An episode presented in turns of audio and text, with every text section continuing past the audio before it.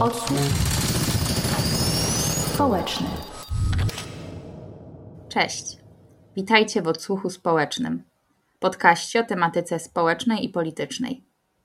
Moim dzisiejszym gościem będzie Przemysław Sadura, doktor habilitowany, socjolog i publicysta, wykładowca na Wydziale Socjologii UW, kurator merytoryczny Instytutu Studiów Zaawansowanych Krytyki Politycznej, założyciel Fundacji Pole Dialogu.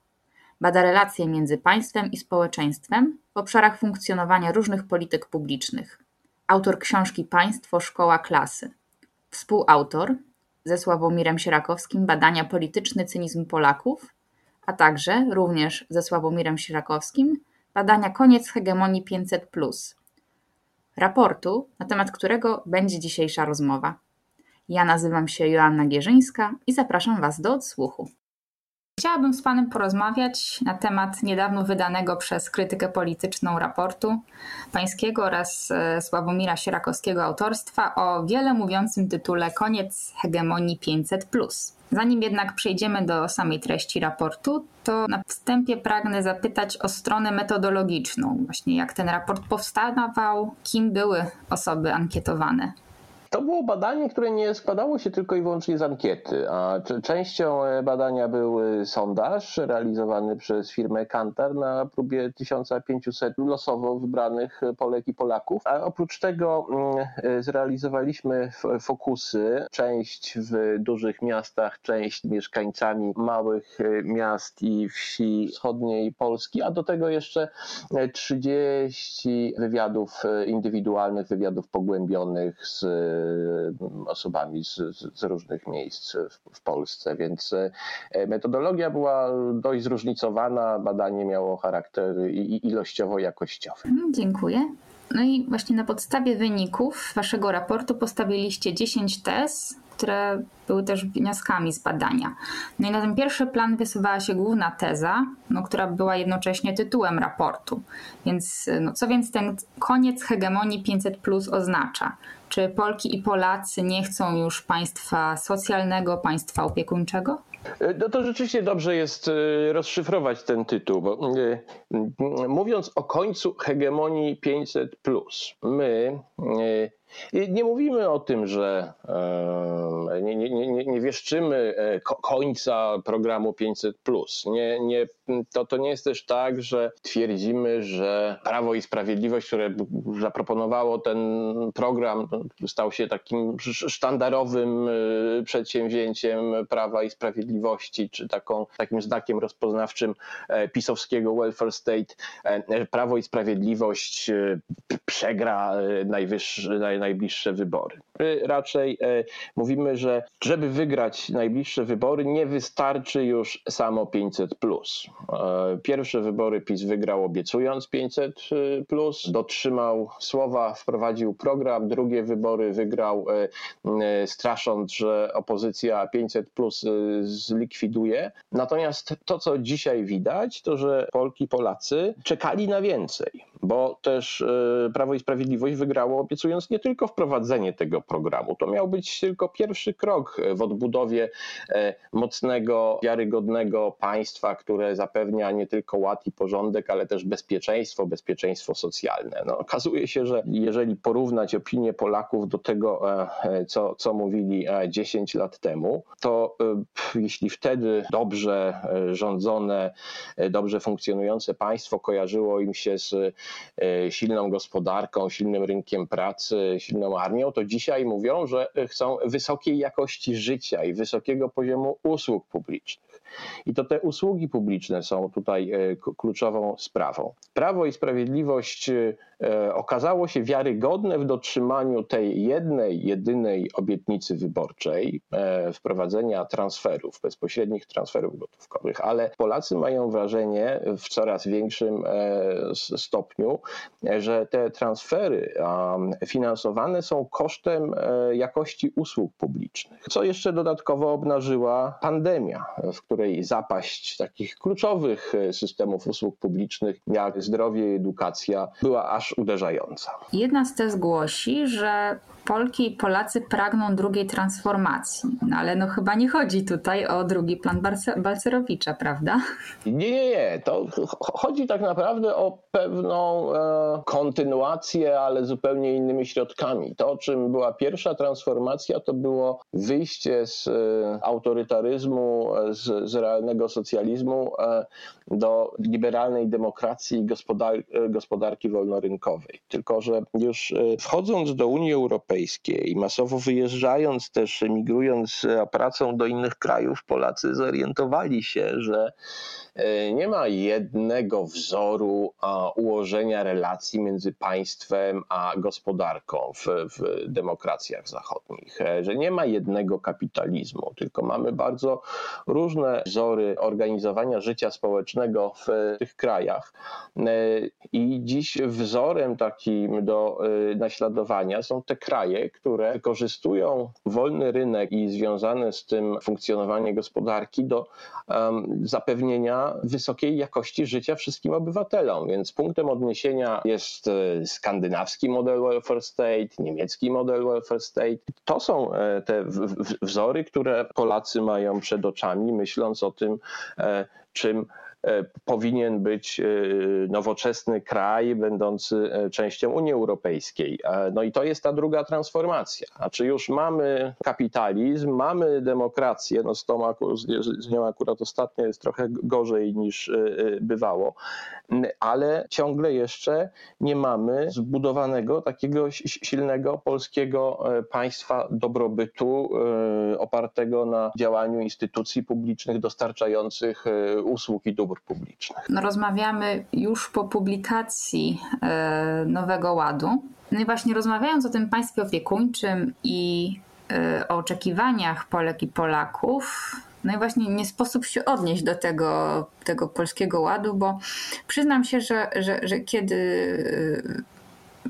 zapoznawałem się z lekturą e, tego projektu, jego standard, sztandarowych e, założeń, to przyznam, że, że ciężko było mi nie oprzeć się wrażeniu, że autorzy tego dokumentu chyba byli po lekturze waszego raportu, bo w tym nowym polskim ładzie, co prawda, właśnie jest ten motyw państwa opiekuńczego, ale właśnie nie są podkreślone te transfery socjalne ale jest, e, są chociażby, jest chociażby podniesienie kwoty wolnej od podatku, jest większa progresja podatkowa, zapowiadane są dodatkowe wsparcia dla seniorów, zwiększone wydatki na służbę zdrowia, czyli te wszystkie elementy, które gdzieś e, się w tym raporcie przejawiały. I jakie jest Pana zdanie na ten temat?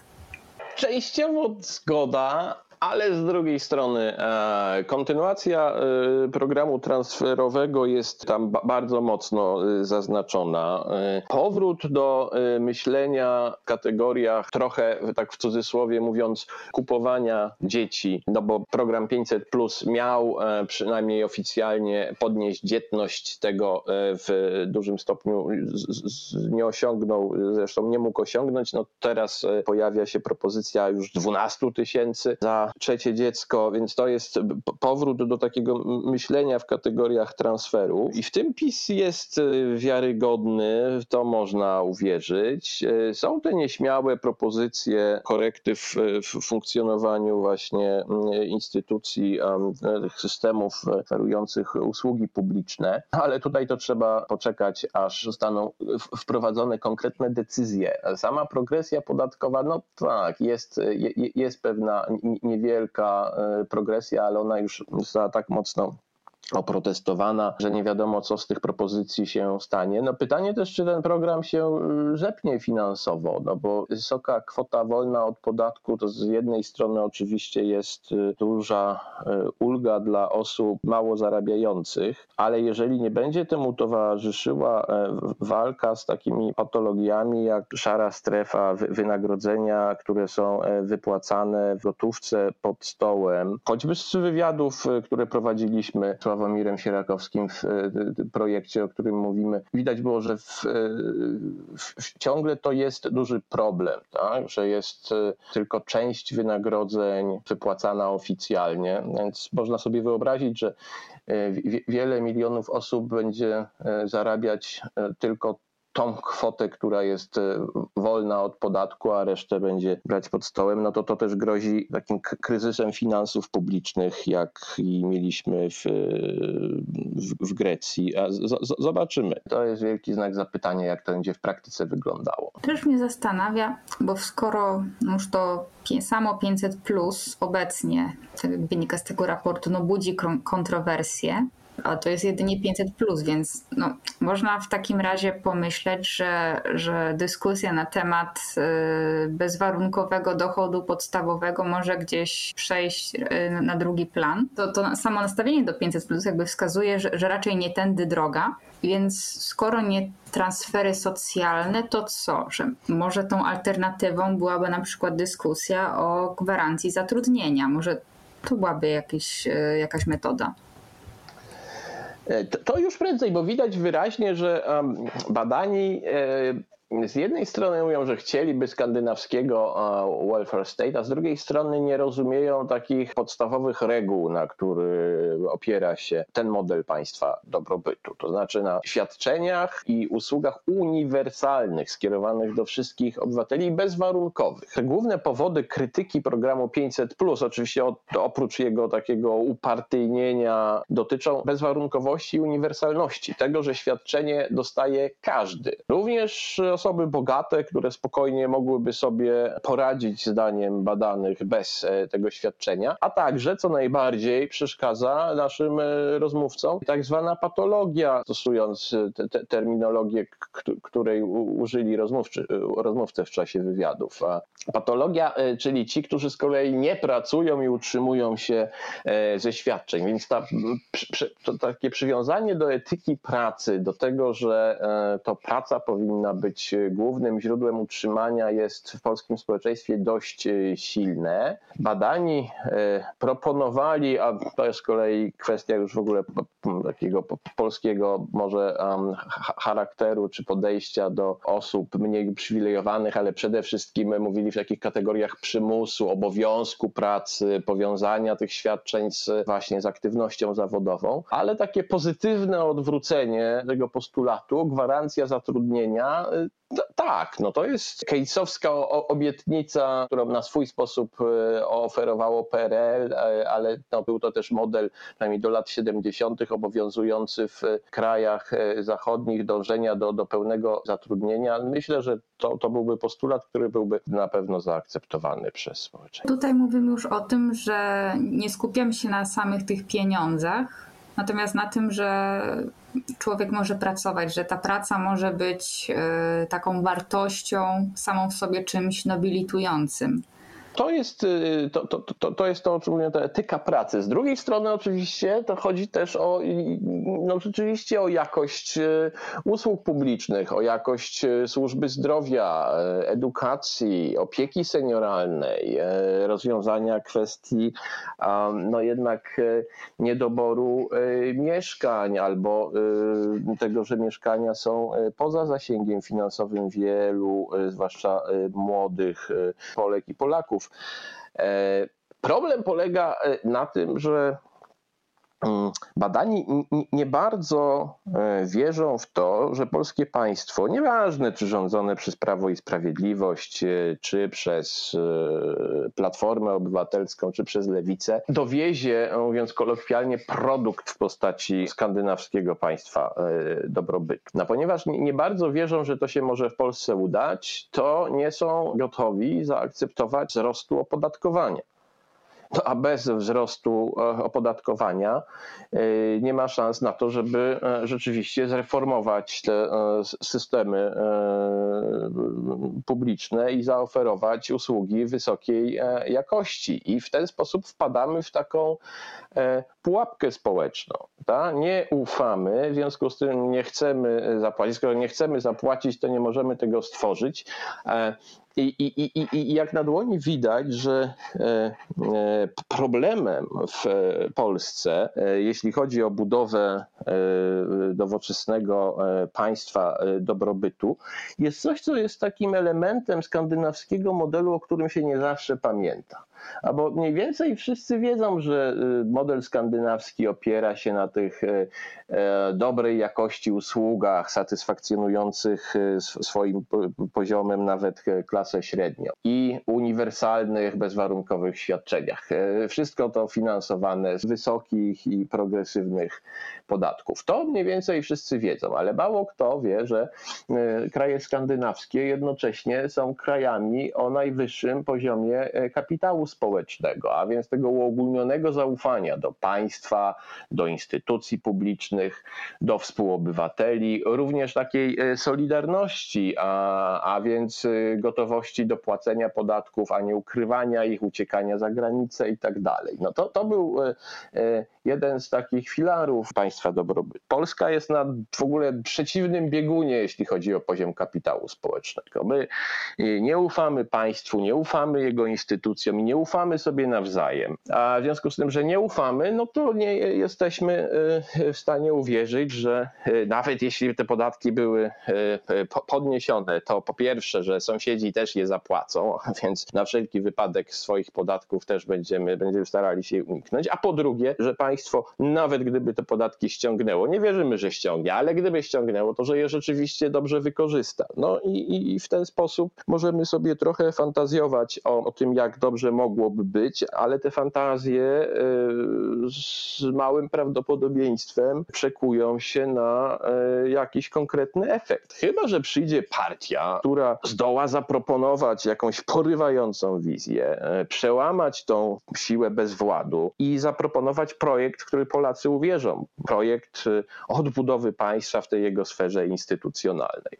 No właśnie, bo to jest to pytanie, że co musi się zadziać, żeby Polki i Polacy zyskali to zaufanie, bo nawet w przypadku transferów socjalnych, że nawet jeżeli teraz e, dostają to 500, to też w tych wypowiedziach pojawiały się głosy i jest to takie przekonanie, że dobrze, ta władza może daje, ale no zawsze jest to zagrożenie, że może zabrać, albo przyjdzie nowa władza i ta nowa władza może zabrać, że cały czas gdzieś jest ten brak zaufania? Po pierwsze, to e, Prawo i Sprawiedliwość e, miało taki mandat, legitymację do tego, żeby rzeczywiście e, wyprowadzić Polaków z tej pułapki braku zaufania. No z tego względu, że dotrzymało obietnicy tej, te, tej jednej dotyczącej 500 plus i takiego kierunku wyrównywania nierówności poprzez transfery socjalne, transfery E, finansowych. Za tym nie poszła realna przebudowa polityk publicznych, systemu usług publicznych, a tam, gdzie rzeczywiście jakąś reformę zaproponowano, jak w przypadku edukacji, to, to raczej trudno mówić o sukcesie. Polacy trochę tracą wiarę, no i wracając do tego, o czym mówiliśmy, no jest pytanie, czy e, wyład e, rzeczywiście będzie próbą dotrzymania słowa również w tym obszarze. Byłbym sceptyczny, ale, ale zobaczymy. Teraz pytanie, co miałaby zrobić opozycja. No, fatalną rzeczą byłoby zlikwidowanie programu 500. Polacy no, z jednej strony go krytykują, chcieliby jakieś reformy, ograniczenia tych świadczeń, przynajmniej w przypadku innych, ale trochę też dlatego, że nie wierzą, że ten program będzie e, trwały, że jest elementem jakiejś e, długofalowej zmiany filozofii działania państwa. Tak?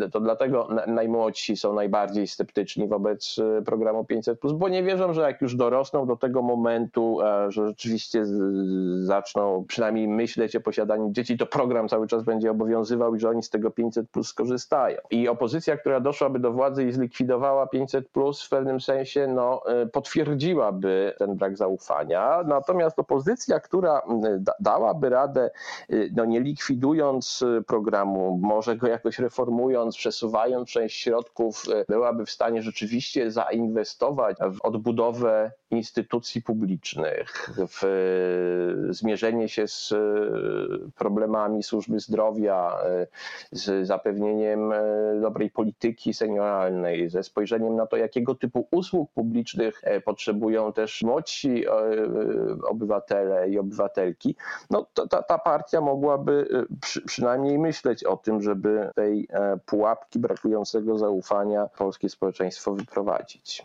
Też właśnie pytanie, jak to też zrobić w przypadku tych różnych pokoleń, tych plemion Polaków, które zostały przez Was wypisane w raporcie, gdzie jednak tą zdecydowaną większość tworzą ci tak zwani Neverlandowie, którzy właśnie popierają tą większą aktywność państwa w obszarze usług publicznych, ale jednocześnie nie chcą wyższych podatków. No i też duży odsetek są izolacjoniści stanowią, którzy w ogóle nie chcą ingerencji państwa, więc mamy znaczny odsetek y, ludzi, którzy właśnie nie mają tego zaufania, natomiast tych w cudzysłowie Skandynawów, którzy popierają interwencję państwa, są otwarci na to podniesienie podatków, jest, e, jest ich zdecydowanie najmniej, bo było 7%. I tu, tutaj wydaje mi się, że, że może być dość trudno przy tak małej liczbie osób gdzieś gotowych do właśnie takich, te, takich tego typu zmian i mało i dużo. No, plemiona to są takie trochę publicystyczne, ale etykietki, które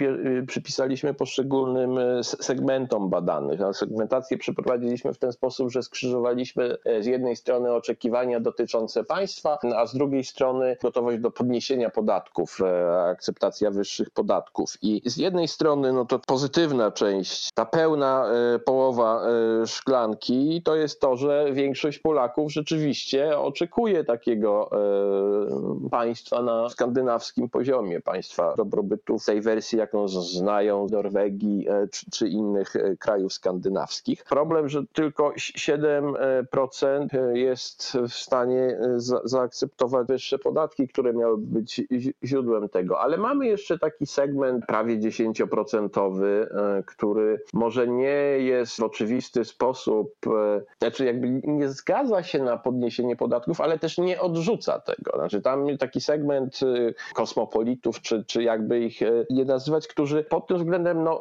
nie, mają zdania. 75% w tej grupie nie jest w stanie odpowiedzieć na to pytanie o to, czy podnieść, czy nie, ale przynajmniej nie odrzuca tego, e, a biorąc pod uwagę no, to, o czym mówiliśmy wcześniej, o tym takim braku zaufania do państwa, no to jest i tak dobry wynik. To jest kilkanaście procent osób, które chcą państwa dobrobytu i nie negują potrzeby podniesienia podatków, nawet jeśli e, nie palą się do tego. No to takie kilkanaście procent to już jest, to już jest spora grupa i to może być zaczyn e, zmiany społecznej, tym bardziej, e, że jak mówiłem na początku, no mamy do czynienia z pewną zmianą, być może z pewnym trendem. Jeżeli porównamy te odpowiedzi z tych badań z opiniami Polaków sprzed dekady, to widać, że to znaczenie jakości życia usług publicznych publicznych rośnie. Kto wie, jak się zmienią opinie Polaków w ciągu nadchodzącej dekady i o czym będziemy mówili za lat 10. Na sam koniec, właśnie w nawiązaniu do tej przyszłości,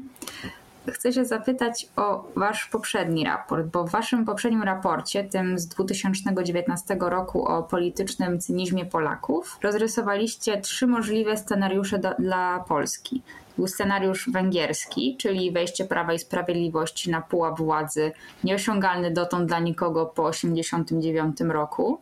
Był scenariusz słowacki, czyli spowodowany czynnikami zewnętrznymi lub kryzysem przywództwa załamanie PiSu i powstanie w ten sposób populizmu lewicowego. No i scenariusz bawarski, w którym e, Platforma, czyli w koalicji na przykład z PSL-em czy z, tam z Lewicą, uczy się być demokratycznym PiSem.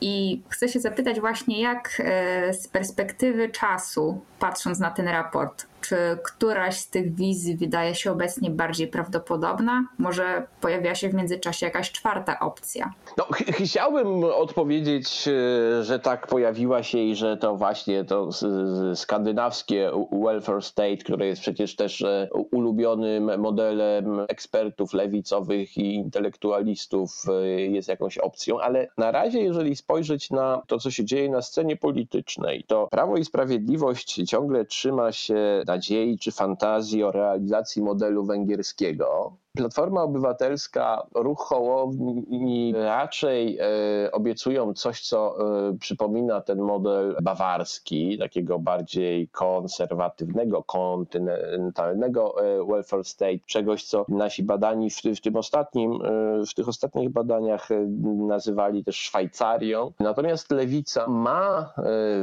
wyborcę, czy miała przynajmniej wyborcę takiego średnioklasowego, wielkomiejskiej klasy średniej, dość liberalnego, ale mm, właśnie przychylnie myślącego o modelu skandynawskim, ale wy, wyruszyła na poszukiwania elektoratu, którego do tej pory nie ma, o którym marzy, takiego bardziej ludowego. Zdaje się próbować realizować e, nieśmiało i na razie tylko testując tą możliwość, ale model słowacki. Zobaczymy. Wszystkie scenariusze są cały czas e, w grze. Ja bardzo dziękuję panu za rozmowę i za poświęcony czas.